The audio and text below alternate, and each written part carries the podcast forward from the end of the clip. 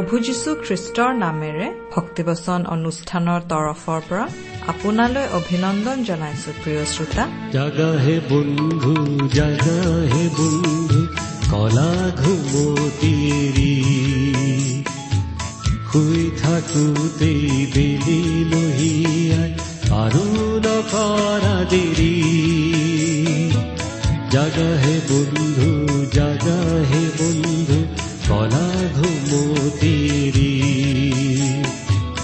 শুই থাকোতেই বেলি লহিয়াই আৰু নকৰা দেৰি। পুনাহে আজি শুভ বাতৰি হৃদয় শান্ত কৰা। সৰগৰ দুৱাৰ হ'ল মুকলি দুনয়ন ভৰি চোৱা।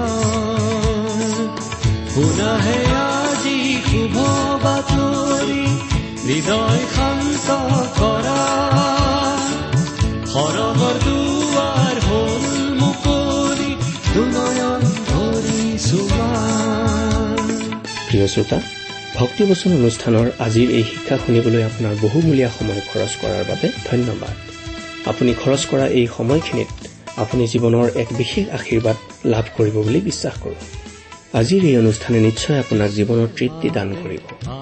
এই অনুষ্ঠানৰ শিক্ষাসমূহে আপোনাক আত্মিক আৰু পাৰিবাৰিক সকলো অৱস্থাতেই সহায় কৰিব বুলি আশা কৰিছো। আমাৰ বিশ্বাস প্ৰভু যীশুৰ বাণীসমূহে আপোনাক প্ৰচুৰ জীৱনৰ সোৱাদ দিব পাৰে। তেওঁৰ বাক্যই আপোনাক জীৱনৰ সকলো পৰিস্থিতিত থিৰে থাকিবলৈ আৰু উন্নতিৰ পথেৰে অগ্ৰসৰ হবলৈ সহায় কৰিব। ঈশ্বৰৰ এই বাক্যৰে আপুনি যেন প্ৰতিদিন আত্মিকভাৱে অধিক বলৱান আৰু পাৰিবাৰিক শান্তিৰে জীৱন যাপন কৰিব পাৰে তাৰেই কামনা কৰিছো। এই কামনাৰে আপোনালৈ আগবঢ়াইছো বাইবেলৰ শিক্ষামূলক অনুষ্ঠান ভক্তি বচন।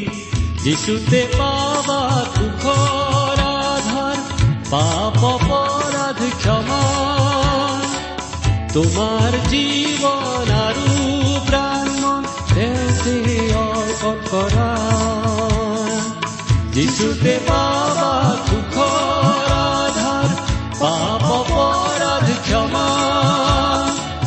তোমাৰ জীৱন আৰু প্ৰাণ তেওঁতে অৰ্পণ কৰা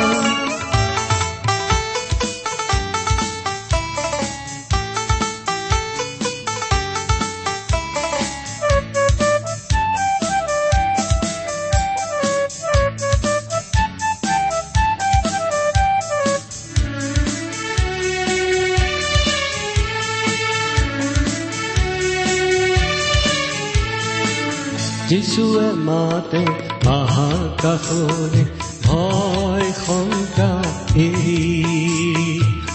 অনন্ত জীৱন আছে তেওঁতে আহাসবে আজি ধৰি যিচুৱে মাতে আহাকাশৰে ভয় শংকা এৰি অনন্ত জীৱন আছে তেওঁতে আহাৰ সবে যিচুতে পাবা সুখৰ আধাৰ পাপ অপৰাধ ক্ষমা। তোমাৰ জীৱন আৰু প্ৰাণ মন অৰ্পণ কৰা। যিচুতে পাবা সুখৰ আধাৰ পাপ অপৰাধ ক্ষমা। তোমাৰ জীৱন আৰু প্ৰাণ অৰ্পণ কৰা আমাৰ পৰম পবিত্ৰ প্ৰভু যীশুখ্ৰীষ্টৰ নামত নমস্কাৰ প্ৰিয় শ্ৰোতা। আশা কৰো মহান পিতা পৰমেশ্বৰৰ মহান অনুগ্ৰহত আপুনি ভালে কুশলে আছে। আপুনি বাৰু আমাৰ এই ভক্তিবচন অনুষ্ঠানটো নিয়মিতভাৱে শুনি আছেনে? শুনি কেনে পাইছে? আমালৈ চিঠি লিখি জনাবচোন। আহকচোন আজিৰ বাইবেল অধ্যয়ন আৰম্ভ কৰাৰ আগতে খন্তেক প্ৰাৰ্থনাত মূৰ দুৱাওঁ। স্বৰ্গত থকা অসীম দয়ালু পিতৃ ঈশ্বৰ তোমাৰ মহান নামৰ ধন্যবাদ কৰো।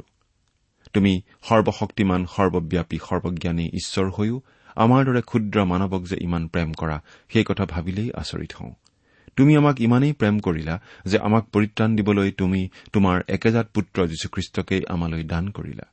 তেওঁ ক্ৰুচত নিজৰ পবিত্ৰ তেজেৰে আমাৰ পাপৰ প্ৰাচিত্য কৰিলে। আজি তেওঁত বিশ্বাস কৰি আমি অনন্ত জীৱন লাভ কৰি তোমাক পিতৃ বুলি মাতিব পৰা হৈছো। তাৰ বাবে তোমাক অশেষ ধন্যবাদ পিতা। এতিয়া আমি তোমাৰ মহান বাক্য বাইবেল শাস্ত্ৰ অধ্যয়ন কৰিবলৈ ওলাইছো প্ৰাৰ্থনা কৰিছো। তোমাৰ বাক্য তুমিয়েই আমাক বুজাই দিয়া। এই অনুষ্ঠান শুনি থকা আমাৰ মৰমৰ শ্ৰোতাসকলক তুমি উপচি পৰাকৈ আশীৰ্বাদ কৰা। কিয়নো এই প্ৰাৰ্থনা আমাৰ মহান ত্ৰাণকৰ্তা মৃত্যুঞ্জয় প্ৰভু যীশুখ্ৰীষ্টৰ নামত আগবঢ়াইছো।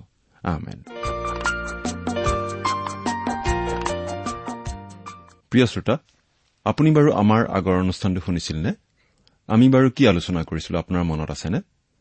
আপুনি যদি আমাৰ এই অনুষ্ঠানটো নিয়মিতভাৱে শুনি আছে তেনেহলে আপুনি নিশ্চয় জানে যে আমি এতিয়া বাইবেলৰ পুৰণি নিয়ম খণ্ডৰ চলোমনৰ পৰমগীত নামৰ পুস্তকখন অধ্যয়ন কৰি আছো। নহয় জানো? যোৱা অনুষ্ঠানত আমি এই পৰমগীত পুস্তকখনৰ দুই নম্বৰ অধ্যায়ৰ শেষৰ পদলৈকে পঢ়ি আমাৰ আলোচনা আগবঢ়ালো। গতিকে আজি আমি পৰমগীত পুস্তকখনৰ তিনি নম্বৰ অধ্যায়ৰ এক নম্বৰ পদৰ পৰা আমাৰ আলোচনা আৰম্ভ কৰিব খুজিছো। এই চলোমনৰ পৰম গীত আচলতে প্ৰেমৰ গীত। ৰজা চলোমন আৰু এগৰাকী সাধাৰণ ছোৱালীৰ মাজৰ প্ৰেমৰ গীত। ৰজা চলোমনে এজন ভেড়াৰখীয়া হিচাপে সেই ছোৱালীজনীৰ প্ৰতি প্ৰেম নিবেদন কৰিছিল আৰু এদিন তাইক ৰাজপ্ৰাসাদলৈ তেওঁ লৈ আহিছিল। তেতিয়াহে তাই চলোমন ৰজাক চিনি পাইছিল। চলোমন ৰজা আৰু সেই চুলেমীয়া ছোৱালীজনীৰ প্ৰেমৰ মাজেৰে আচলতে আমালৈ বিশেষ আম্মিক শিক্ষা ইয়াত দিয়া হৈছে। সেইটো হৈছে প্ৰভু যীশু আৰু তেওঁৰ বিশ্বাসী খ্ৰীষ্টীয় লোকসকলৰ মাজৰ অৰ্থাৎ প্ৰভু যীশু আৰু খ্ৰীষ্টীয় মণ্ডলীৰ মাজৰ প্ৰেমৰ কাহিনী। প্ৰভু যীশু আৰু খ্ৰীষ্টীয় মণ্ডলীৰ মাজৰ প্ৰেম সহভাগিতা আচলতে কেনে গভীৰ হ'ব লাগে আৰু হয় তাৰ মনোমোহা আকৰ্ষণীয় ছবি এখন আমি এই গীতৰ মাজেদি পাওঁ। গতিকে আমাৰ বাবে ইয়াত প্ৰয়োজনীয় শিক্ষা আছে। এতিয়া আমি এই চলোমনৰ পৰম গীতৰ তিনি নম্বৰ অধ্যায়লৈ আগবাঢ়ো। আচলতে এই তিনি নম্বৰ অধ্যায়টো চলোমনৰ দুই নম্বৰ গীতটোৱেই। দুই নম্বৰ গীতটোৱেই ইয়াত চলি আছে। অৱশ্যে এতিয়া দৃশ্যপট সম্পূৰ্ণৰূপে সলনি হৈছে। প্ৰিয় শ্ৰোতা এই পুস্তকখন অধ্যয়ন কৰোতে আমি কোনো সময়তে পাহৰিব নালাগিব যে পুস্তকখনৰ আৰম্ভণৰে পৰা শেষলৈকে আমাৰ প্ৰিয় প্ৰভু পৰিত্ৰাতা যীশুখ্ৰীষ্ট আৰু তেওঁৰ প্ৰিয়া সুন্দৰী কন্যাৰূপ সতী মণ্ডলীৰ মাজৰ ভালপোৱা সম্বন্ধ সহভাগিতা তেওঁৰ সাক্ষ্য হোৱা আৰু তেওঁৰ সেৱা আৰাধনা কৰাৰ কথাকেই পাম। চলোমন পৰিত্ৰাতা প্ৰভুৰ ছবি আৰু সেই চুলেমাইট সতী মণ্ডলীৰ ছবি। এতিয়া পাঠ কৰি দিম। তিনি নম্বৰ অধ্যায়ৰ এক নম্বৰ পদটো। ৰাতি মই মোৰ শয্যাত প্ৰাণ প্ৰিয়ক বিচাৰিলো কিন্তু বিচাৰ কৰি তেওঁক নাপালো। এয়া খ্ৰীষ্টীয় মণ্ডলীৰ কি দুখ লগা ছবি? ইয়াত এই ছবি আঁকি দেখুওৱা হৈছে যে দুৰ্ভগীয়া মণ্ডলী প্ৰভু যীশুখ্ৰীষ্টতকৈ টোপনিক অগ্ৰাধিকাৰ দিয়া মণ্ডলী। আমি প্ৰভু আৰু টোপনি এই দুয়োটা একেলগে পাব নোৱাৰো। খ্ৰীষ্টৰ কাৰণে যদি আমাৰ কোনো চিন্তাই নাথাকে তেতিয়া নিশা আঠ ঘণ্টা নাক বজাই বজাই নিশ্চয় শুই থাকিব পাৰো। কিন্তু আঠ ঘণ্টা শোৱাৰ কুফল কি হ'ব? প্ৰাণপ্ৰিয়ক বিচাৰিম কিন্তু বিচাৰি নাপাম। খ্ৰীষ্ট আৰু টোপনি দুয়োটাই অপৰিহাৰ্যভাৱে প্ৰয়োজনীয়। কিন্তু যেতিয়া দুটাৰ এটাক নিৰ্বাচন কৰাৰ সময় আহি পৰে তেতিয়া অগ্ৰাধিকাৰ দিয়াৰ কথাটো আহি পৰে। তেতিয়া আপুনি কাক অগ্ৰাধিকাৰ দিব? খ্ৰীষ্টক নে টোপনিক? সতী কন্যাৰূপ মণ্ডলী এই ক্ষেত্ৰত বিবেচক হোৱা বৰ প্ৰয়োজন। মই এতিয়া উঠি নগৰখনত ফুৰো আলিত আৰু চৌকত মোৰ প্ৰাণপ্ৰিয়ক বিচাৰো এই বুলি তেওঁক বিচাৰিলেও কিন্তু নাপালো। ইয়াত আমি পাইছো যে অন্তত সেই ছোৱালীজনীয়ে তাই যে অসাৱধান হৈ আছিল সেই কথাটো বুজি বিচনাৰ পৰা উঠি ৰাতিৰ নিশাটো নিজ প্ৰাণপ্ৰিয়ক বিচাৰিছে। অবলা নাৰী হৈও ভয় শংকাৰ দোহাই দি বহি থকা নাই। আজিৰ যুগত খুব কম মণ্ডলীৰহে সেই আচৰণ দেখা যায়। অৰ্থাৎ তেওঁলোকে তেওঁলোকৰ জীৱনৰ পৰা হেৰুওৱা খ্ৰীষ্টক বিচাৰি যোৱা মণ্ডলীৰ সংখ্যা তেনেই আঙুলিৰ মূৰত গণিব পৰা। অধিকভাগ মণ্ডলীৰটো গাতেই নালাগে। সেয়ে তেনে মণ্ডলী অতিপাত সমস্যাৰে জৰ্জৰিত বৰ দুৰ্বল আৰু ৰুগ্ন। খ্ৰীষ্টৰ সৈতে সম্বন্ধ হেৰুওৱা মণ্ডলী কেৱল দুৰ্বলেই নহয় কালক্ৰমত সেই নিজেই মৰহি মৰহি যোৱা মণ্ডলী হয়। খ্ৰীষ্টৰ প্ৰতি প্ৰেম পীড়া নাথাকিলে তেওঁৰ উপস্থিতিৰ প্ৰতি মণ্ডলী বৰ উদাসীন হয়। তিনি নম্বৰ পদত আমি এনেদৰে পাওঁ। নগৰত ফুৰোতে প্ৰহৰীবোৰ মোৰ আগত ওলাল। মই সিহঁতক সুধিলো তোমালোকে মোৰ প্ৰাণপ্ৰিয়ক দেখিছিলানে? নিশা নগৰৰ পহৰাদাৰী প্ৰহৰীসকলে চুলেমাইটক নিশ্চয় সহায় কৰিছিল আৰু সেয়ে অতি সহজেই তাই প্ৰাণপ্ৰিয়ক বিচাৰি পাইছিল। পাছে সিহঁতৰ ওচৰৰ পৰা অলপ আঁতৰ হৈ গৈ মই প্ৰাণপ্ৰিয়ক পালো। যেতিয়ালৈকে মই তেওঁক মোৰ মাতৃৰ ঘৰলৈ জননীৰ ভিতৰ কোঠালীলৈ লৈ নগলো তেতিয়ালৈকে মই তেওঁক যাব নিদি ধৰি ৰাখিলো। প্ৰিয় শ্ৰোতা বহু সময়ত মণ্ডলীৰ জীৱন বিনাৰ তাৰ ছিগি যায় আৰু মণ্ডলীয়ে সেই ছিগা তাঁৰৰ জোৰা দিবলৈ চেষ্টা নকৰে। তেনে সময়ত নগৰৰ প্ৰহৰীৰ নিচিনা মণ্ডলীৰ আম্মিক পৰিচৰ্যাৰ নেতা নেত্ৰীসকলে সেই কাৰ্যত আন্তৰিকতা আৰু পৰিশ্ৰমেৰে সহায় কৰিব লাগে। চাৰি নম্বৰ পদত আমি পালো যে তেওঁক বিচাৰি পোৱাৰ পাছত চুলেমাইটে চলোমনক যাবলৈ দিয়া নাই। মণ্ডলীৰ ক্ষেত্ৰত সেইটো হলে বৰ ভাল হয়। কিবা পাপ বা মন্দতাত পৰি খ্ৰীষ্টৰ সৈতে মণ্ডলীৰ সম্বন্ধ বিনাৰ তাৰ চিগা ঘটনা ঘটিব পাৰে। কিন্তু পাপ স্বীকাৰ আৰু পাপ ক্ষমাৰ পাছত যেতিয়া মণ্ডলীৰ খ্ৰীষ্টৰ সৈতে পুনৰ মিলন হয়। তেতিয়া মণ্ডলী এই ক্ষেত্ৰত সজাগ হোৱা ভাল যেন প্ৰভুৰ সৈতে সম্বন্ধ যেন পুনৰ ছিঙি নাযায়। পাঁচ নম্বৰ পদ। হে জিৰচালেমৰ জীয়াৰীবিলাক মই পথাৰৰ মৃগী আৰু হৰিণীবোৰৰ শপত দি কৈছো প্ৰেমে নিজে ইচ্ছা নকৰে মানলৈকে তোমালোকে প্ৰেমক সাৰ নোপোৱাবা নজগাবা।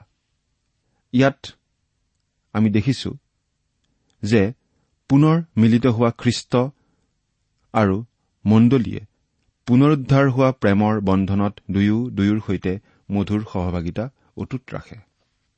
এই তিনি নম্বৰ অধ্যায়ৰ শেষ অংশটি অতি মনোমোহা। ইয়াত আমি পাওঁ ৰজাই তেওঁৰ কইনাক নিবলৈ উভতি অহাৰ কথা। এই সৰু চুলেমীয়া ছোৱালীজনীয়ে তাই যাক অন্তৰ দিছিল যাক প্ৰেম কৰিছিল যাক প্ৰাণ ভৰি ভাল পাইছিল সেই ভেড়াৰখীয়াজনৰ বাবে বহুদিন ধৰি অপেক্ষা কৰিছিল। এদিনাখন তাই দ্ৰাক্ষাবাৰীত কাম কৰি আছিল। আলিবাটৰ মূৰত ধোঁৱাৰ স্তম্ভ এটা দেখা গৈছিল। ধূলিৰ ধোঁৱা। এদল কৃষকৰ পৰা আন এদল কৃষকলৈ চিঞৰি চিঞৰি এই বাতৰি বিলাই দিয়া হৈছিল। চোৱা ৰজা চলোমন আহি আছে। কিন্তু ছোৱালীজনীৰ যথেষ্ট কাম আছিল। গতিকে তাই নিজৰ কামতেই ব্যস্ত আছিল। তেতিয়া হঠাতে কোনোবা এজন মানুহ উধাটো খাই তাইৰ ওচৰলৈ দৌৰি আহিছিল আৰু এইদৰে কৈছিল শুনা শুনা ৰজা চলোমনে তোমাক বিচাৰি আহিছে? অতি আচৰিত হৈ তাই কলে মোক বিচাৰি আহিছে? মইতো ৰজা চলোমনক চিনি নাপাওঁ? কিন্তু যেতিয়া তাইক ৰজা চলোমনৰ সন্মুখলৈ লৈ অহা হল তেতিয়া তাই চিনি পালে যে সেই ৰজা চলোমনেই তাই ইমান দিনে প্ৰেম কৰি অহা তাই আগ্ৰহেৰে বাট চাই থকা সেই মেৰ ৰখীয়াজন এতিয়া তাইৰ প্ৰেমিকে তাইক বিচাৰি আহিছে। ৰজা চলোমনে সেই সাধাৰণ চুলেমীয়া ছোৱালীজনীক নিজৰ লগত সেই ৰাজকীয় ৰথত উঠাই ললে আৰু শোভাযাত্ৰা কৰি তাৰ পৰা যাবলৈ আৰম্ভ কৰিলে। গাঁৱৰ মানুহবোৰে সেই সাধাৰণ ছোৱালীজনীৰ অৱস্থা হঠাতে এনেদৰে সলনি হৈ যোৱা দেখি অতি আচৰিত হৈ চাই থাকিল। কিছু সময় আগলৈকে তাই তেওঁলোকৰ নিচিনাই সাধাৰণ লোক আছিল কিন্তু এতিয়া তাই ৰাণীৰ মৰ্যাদা পালে। প্ৰিয় শ্ৰোতা এই গোটেই ঘটনাটোৰ মাজেদি কি প্ৰকাশ পাইছে বাৰু? আমাৰ প্ৰিয় প্ৰভু যীশুখ্ৰীষ্টই এদিন যে তেওঁৰ বিশ্বাসী লোকসকলৰ সমষ্টি অৰ্থাৎ তেওঁৰ মণ্ডলীক কইনা হিচাপে লৈ যাবলৈ উভতি আহিব সেই গৌৰৱময় সত্যটোৰ এখন সুন্দৰ ছবি আমি ইয়াত দেখা নাপাওঁনে বাৰু? প্ৰভু যীশুৱে তেওঁৰ মণ্ডলীক লৈ যাবলৈ এদিন আহিব। বাইবেলত আমি এনেদৰে পঢ়িবলৈ পাওঁ। প্ৰথম থিচলনিকীয়া চাৰি নম্বৰ অধ্যায়ৰ ষোল্ল আৰু সোতৰ পদ। কাৰণ জয়ধ্বনি প্ৰধান স্বৰ্গদূতৰ মাত আৰু ঈশ্বৰৰ তুৰিবাদ্যে সৈতে প্ৰভু নিজে স্বৰ্গৰ পৰা নামি আহিব আৰু খ্ৰীষ্টৰ আশ্ৰয়ত মৰা লোকবিলাকেই প্ৰথমে উঠিব। পাছে আমি জীৱিত থকা অৱশিষ্ট লোকবিলাক আকাশত প্ৰভুৰ লগ ল'বলৈ তেওঁবিলাকে সৈতে মেঘ ৰথত তুলি নিয়া হ'ম। এতিয়া ছয় নম্বৰ পদটো পঢ়ি দিছো। গন্ধৰস কুন্দুক আদি সুগন্ধি দ্ৰব্য ব্যৱসায়ীৰ সকলোবিধৰ সুগন্ধি বস্তুৰে সুবাসিত হৈ ধোঁৱাৰ স্তম্ভ যেন হৈ অৰণ্যৰ পৰা সৌজনী কোন আহিছে। এই চলোমন ৰজাই তেওঁৰ কন্যাক লগত লৈ জিৰচালেম নগৰত প্ৰৱেশ কৰাৰ এখন ছবি। চলোমন ৰজাৰ যি ৰাজকীয় জাক জমকতা সেই জাক জমকতা আমি বৰ্ণনা কৰি শেষ কৰিব নোৱাৰো। সেই জাক জমকতাৰ এটা আভাস আমি পাছৰ পদকেইটাত পাম। প্ৰিয় শ্ৰোতা প্ৰভু যীশুৰ প্ৰতিজন বিশ্বাসীয়েই এই পৃথিৱীত তেওঁৰ সাক্ষী হিচাপে থাকিব লাগে। আমি তেওঁৰ সাক্ষ্য দিব লাগে। আমাৰ যোগেদি তেওঁ প্ৰকাশ পাব লাগে। তেওঁৰ সাক্ষী হিচাপে তেওঁ আমাক নতুন সৃষ্টি কৰে। আমি প্ৰতিজন বিশ্বাসীয়েই দৰাৰ আগলৈ অনা কইনাজনীৰ নিচিনা আৰু যেতিয়া আমি জগতৰ আগত সাক্ষ্য দিওঁ তেতিয়া খ্ৰীষ্টৰ সুগন্ধ আমাৰ গাত থাকিব লাগে। গন্ধৰস কুন্দুক আদি সুগন্ধ আমাত থাকিব লাগে। সুগন্ধই আনক আকৰ্ষণ কৰে। আনক মনত সন্তুষ্টি দিয়ে। গতিকে খ্ৰীষ্টীয় বিশ্বাসী হিচাপে আমাৰ জীৱনো তেনে হ'ব লাগে। প্ৰভু যীশু যে কি অপূৰ্ব? গন্ধৰসে বুজায় প্ৰভু যীশুৰ মৃত্যুৰ কথা। আমাৰ প্ৰায়চিত্ৰৰ বাবে তেওঁ ক্ৰুচত প্ৰাণ দিয়াৰ কথা। আৰু কুন্দুকে বুজায় তেওঁৰ জীৱনৰ কথা। দুয়োটাই মিঠা আকৰ্ষণীয় আৰু গৌৰৱময়। পদ। চোৱা সৌৱা চলোমনৰ দোলা। ইছৰাইলীয় বীৰবিলাকৰ মাজৰ ষাঠিজন বীৰে তাৰ চাৰিওফালে বেৰি ধৰি আহিছে। তেওঁ দোলাত উঠি যায় আৰু বীৰবিলাকে তেওঁক পহৰা দি দোলা কঢ়িয়াই নিয়ে। তেওঁলোকে বিপদ ভৰা সময়ত বাস কৰিছিল। গতিকে ৰজাৰ বাবে প্ৰহৰীৰ প্ৰয়োজন আছিল। সকলো ধৰণৰ ৰজাৰেই চোৰাংচোৱা পহৰাদাৰী সৈনিক আদি আছিল। প্ৰিয় শ্ৰোতা চলোমন ৰজাৰ যেনেকৈ পহৰাদাৰী চিপাহীবিলাক আছিল ঠিক তেনেকৈ আজি প্ৰভু যীশুৰো চিপাহী আৰু পহৰাদাৰী আছে। সেইবোৰনো কোন বাৰু? খ্ৰীষ্টীয় বিশ্বাসীসকলেই তেওঁৰ পহৰাদাৰী। প্ৰভু যীশুৰ বাণী তেওঁৰ শুভবাৰ্তা পহৰা দিয়াৰ দায়িত্ব খ্ৰীষ্টীয় বিশ্বাসীসকলৰ হাততেই আছে। প্ৰভু যীশুৰ শুভবাৰ্তা ছয়তানে বিকৃত কৰিবলৈ সদায়েই চেষ্টা চলাই থাকে। গতিকে খ্ৰীষ্টৰ প্ৰকৃত শুভবাৰ্তা পহৰা দি বচাই ৰখাৰ দায়িত্ব খ্ৰীষ্টীয় বিশ্বাসীসকলৰ। অৰ্থাৎ প্ৰতিজন খ্ৰীষ্টীয় বিশ্বাসীয়ে এই কথা ঘোষণা কৰিব লাগিব যে তেওঁ যীশুখ্ৰীষ্ট যে স্বয়ং ঈশ্বৰ সেই কথা বিশ্বাস কৰে। তেওঁ মানুহ ৰূপত জন্ম লৈ এই পৃথিৱীলৈ আহিছিল। তেওঁ আছিল মানুহ ৰূপত ঈশ্বৰ। এই সকলো কথা আমি বিশ্বাস কৰো বুলি ঘোষণা কৰিব লাগিব। আমি আজি আধুনিকতাৰ দোহাই দি শুভবাৰ্তাৰ মূল কথাবোৰ বিকৃত কৰিবলৈ দিব নালাগিব। প্ৰভু যীশুক কেৱল মাত্ৰ এজন সৎলোক বুলি কোৱা তেওঁক কেৱল মাত্ৰ এজন ভাল মানুহ বুলি কোৱা কিন্তু তেওঁৰ ঈশ্বৰত্বৰ কথা অস্বীকাৰ কৰা যিকোনো মতবাদকেই আমি অস্বীকাৰ কৰিব লাগিব। আমি মনত ৰখা উচিত যে প্ৰভু যীশু সাধাৰণ মানুহ নাছিল। তেওঁ কোনো সৎ মানুহো নাছিল। তেওঁ আছিল মানুহ ৰূপত ঈশ্বৰ। পদ। তেওঁবিলাক সকলো তৰোৱাল ধৰোতা আৰু ৰণ বিদ্যাত পুতু। ৰাতিকালৰ ভয়ৰ কাৰণে তেওঁবিলাক প্ৰতিজনৰ কৰঙনত তৰোৱাল বন্ধা। এই কথা মন কৰক যে পহৰাদাৰীবোৰৰ হাতত তৰোৱাল আছে। বাইবেলে আমাক এই বুলি শিকায় যে ঈশ্বৰৰ বাক্যই হৈছে আমাৰ তৰোৱাল। ছয়তানৰ বিৰুদ্ধে যুঁজিবলৈ আমাৰ অস্ত্ৰ হৈছে ঈশ্বৰৰ বাক্য। সেই পহৰাদাৰীবিলাক আছিল যুদ্ধ বিগ্ৰহত অতি পাৰ্গত। এই কথাটো এই পদত প্ৰকাশ পাইছে। ঠিক একেদৰে আমিও আম্মিক যুঁজত পাৰ্গত হ'ব লাগিব। ঈশ্বৰৰ বাক্যৰূপী তৰোৱাল ব্যৱহাৰ কৰিবলৈ আমি জানিব লাগিব। আমি শিকিব লাগে আৰু সেই বাক্যৰ তৰোৱাল ব্যৱহাৰ কৰাত পাৰ্গত হ'ব লাগে। ঈশ্বৰৰ বাক্যই হৈছে আত্মাৰ তৰোৱাল আৰু সেইটোৱেই হৈছে যীশুখ্ৰীষ্টৰ উত্তম সৈনিকৰ অস্ত্ৰ। ন আৰু দহ নম্বৰ পদ। চলোমন ৰজাই নিজৰ নিমিত্তে লিবানুনৰ কাঠেৰে এখন দোলা সাজিলে। তেওঁ তাৰ খুটাবোৰ ৰূপেৰে নিৰ্মাণ কৰিলে। তেওঁ তাৰ আওজা ভাগ সোণেৰে আৰু তাৰ বহা দলিচাখন বেঙেনা বৰণীয়া সূতাৰে কৰিলে আৰু তাৰ ভিতৰখন জিৰচালেমৰ জীয়াৰীবিলাকৰ প্ৰেমেৰে শোভিত কৰা হ'ল। ৰজা চলোমনৰ ৰথখনৰ বৰ্ণনা আমি পাইছো।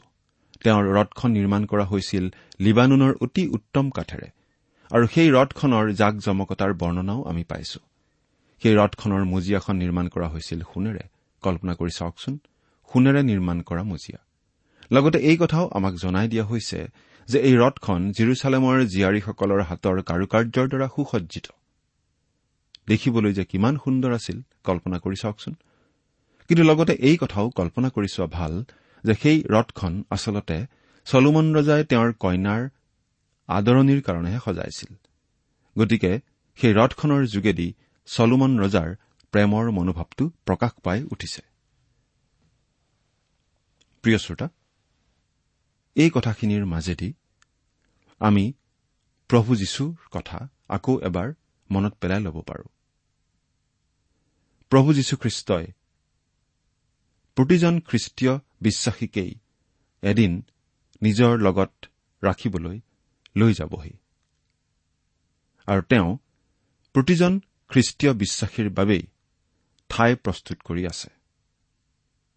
সেই ঠাই প্ৰস্তুত কৰাৰ পাছত সেই ঠাই কিমান সুন্দৰ হ'ব আমি ক'ব নোৱাৰো। আমি কল্পনাই কৰিব নোৱাৰো।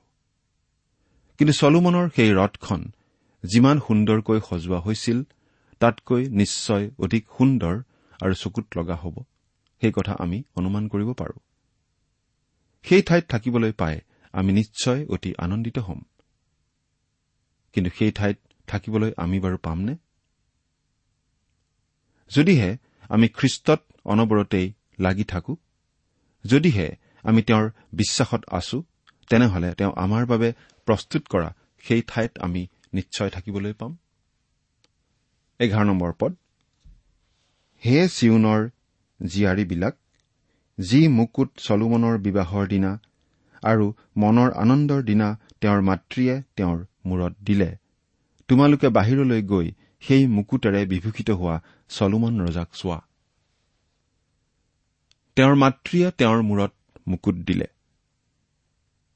প্ৰিয় শ্ৰোতা আপুনি যদি প্ৰথম ৰাজা বুলি এক নম্বৰ অধ্যায়টো পঢ়ি চাই তেনেহলে তাত দেখিবলৈ পাব যে চলোমন ৰজাক আচলতে তেওঁৰ পিতৃ ডায়ুদ ৰজাই মুকুট পিন্ধাই দিব বিচৰা নাছিল। ডায়ুদ ৰজাৰ আন এজন পুতেক অদনিয়াই যিকোনো প্ৰকাৰে ৰজা হবলৈ চেষ্টা কৰি আছিল। ডায়ুদ তেতিয়া যথেষ্ট বুঢ়া হৈছিল। তেওঁ এই বিশেষ সমস্যাটো সমাধান কৰিবৰ বাবে কোনো পদক্ষেপ হাতত লোৱা নাছিল। ডায়ুদৰ আচলতে অতি মৰমৰ পুত্ৰ আছিল অপচালুম কিন্তু সেই অপচালুমে ডায়ুদৰ বিৰুদ্ধে বিদ্ৰোহ কৰিছিল আৰু ইতিমধ্যেই মৃত্যুমুখত পৰিছিল। চলোমনক ৰজা পাতিবলৈ ডায়ুদৰ বৰ বেছি ইচ্ছা নাছিল বুলি আমি অনুমান কৰিব পাৰো। সেই বিশেষ পৰিস্থিতিত নাথান ভাৱবাদী বৎসেবাৰ ওচৰলৈ গৈছিল। এই বৎসেবা কোন আছিল আমাৰ নিশ্চয় মনত আছে? এই বৎসেবা আছিল চলোমনৰ মাক। নাথন ভাৱবাদীয়ে বৎসেবাক এনেদৰে কৈছিল তুমি কিবা এটা কৰা নহলে ডায়ুদৰ পিছত অদনীয়াহে ৰজা হ'ব। চলোমনক ৰজা পাতিবলৈ তুমিয়েই আগভাগ ল'ব লাগিব। নাথন ভাওবাদীৰ সেই কথা শুনি ৰাণী বৎসেবাই নাথন ভাওবাদীৰ সৈতে ডায়ুদ ৰজাৰ ওচৰলৈ গৈছিল। আৰু ডায়ুদ ৰজাৰ আগত এই কথাখিনি উপস্থাপন কৰিছিল আৰু চলোমনক ৰজা পাতিব লাগে বুলি প্ৰস্তাৱ আগবঢ়াইছিল। ৰজা ডায়ুদে কলে চলোমনক লৈ আহা। আমি তেওঁক ৰজা পাতিম। আৰু চলোমনক লৈ অহা হৈছিল আৰু তেনেদৰেই চলোমনক ৰজা পতা হৈছিল। গতিকে আচলতে চলোমনক পিতাক ডায়ুদে নহয় কিন্তু মাক বৎসেবাইহে ৰজা পাতিছিল বুলি ক'ব পাৰি। আৰু সেইবাবে ইয়াত মাকে চলোমনৰ মূৰত মুকুট পিন্ধাই দিয়া বুলি কোৱা হৈছে। ৰাণী বৎসেবাইহে চলোমনক ৰজা পাতিবলৈ আগভাগ লৈছিল। চলোমনক ৰজা পাতিবলৈ পিতাক ডায়ুদৰ বৰ বেছি ইচ্ছা নাছিল বুলি আমি ক'ব পাৰো। চলোমন ডায়ুদৰ পুতেক আছিল যদিও ডায়ুদে চলোমনক ৰজা পাতিবলৈ কোনো প্ৰস্তুতি চলোৱা নাছিল। চলোমন ৰজা আচলতে প্ৰভু যীশুখ্ৰীষ্টৰ ছবি। তেওঁলৈ চালে আমি কি দেখো? প্ৰভু যীশুলৈ চালে আমি কি দেখো? প্ৰভু যীশুলৈ আপুনি বাৰু কি দৃষ্টিৰে চায়? তেওঁলৈ আমি কি ভাৱেৰে চাওঁ? তাৰ ওপৰতে নিৰ্ভৰ কৰিছে আমাৰ অনন্তকলীয়া ভৱিষ্যত। প্ৰভু যীশুক মূৰত কিৰিটি পিন্ধোৱা ৰজা হিচাপে আপুনি চাবলৈ শিকিছেনে? চিন্তা কৰি চাওকচোন। ঈশ্বৰে আপোনাক আশীৰ্বাদ কৰক। কাষলে আহিছো পিতা আজি মোক জিৰণি দিয়া। ইমান পৰে আপুনি ঈশ্বৰৰ বাক্যৰ পৰা শিক্ষা শুনিলে। এই বিষয়ে আপোনাৰ মতামত জানিবলৈ পালে আমি নথৈ আনন্দিত হ'ম। আমি প্ৰস্তুত কৰা বাইবেল অধ্যয়নৰ চিডিসমূহ পাব বিচাৰিলে আৰু অনুষ্ঠানত প্ৰচাৰ কৰা কোনো কথা বুজিব লগা থাকিলেও আমালৈ লিখক। আমাৰ যোগাযোগৰ ঠিকনা ভক্তিবচন ট্ৰান্সৱৰ্ল্ড ৰেডিঅ' ইণ্ডিয়া ডাক বাকচ নম্বৰ সাত শূন্য গুৱাহাটী সাত আঠ এক শূন্য শূন্য এক। ঠিকনাটো আকৌ এবাৰ কৈছো ভক্তিবচন ট্ৰান্সৱৰ্ল্ড ৰেডিঅ' ইণ্ডিয়া ডাক বাকচ নম্বৰ সাত শূন্য গুৱাহাটী সাত আঠ এক শূন্য শূন্য এক। আমাৰ ইমেইল এড্ৰেছটো হৈছে Assamese T TV at the rate radio' eight eight two dot com জীৱন বাট ইমান নিৰাশা মাথো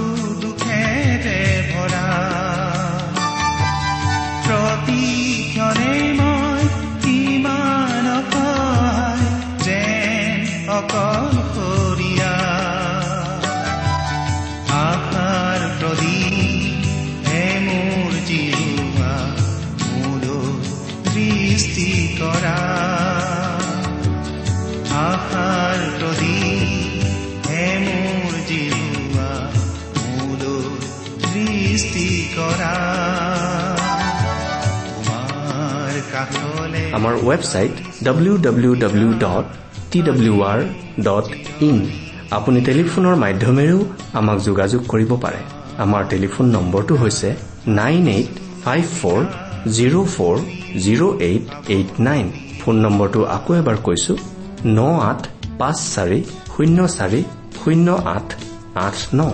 আপুনি এই ভক্তিবচন অনুষ্ঠানটি আমাৰ website W W W dot radio' eight eight two dot কমতো শুনিব পাৰিব। আজিৰ অনুষ্ঠানটি ইমানতে সামৰিছো। ঈশ্বৰৰ শান্তি আৰু অনুগ্ৰহ আপোনাৰ লগত থাকক। ধন্যবাদ। মোৰে জীৱন আজি সপিলো যিছু তোমাৰে কাষ প্ৰতিশ্ৰুতি মোৰ তোমাৰ চৰণত চলিম তোমাৰে পথ। মাথো আজি তোমাৰ প্ৰেমেৰে জীৱন পূৰ্ণ কৰা মাথো আজি তোমাৰ প্ৰেমেৰে জীৱন পূৰ্ণ কৰা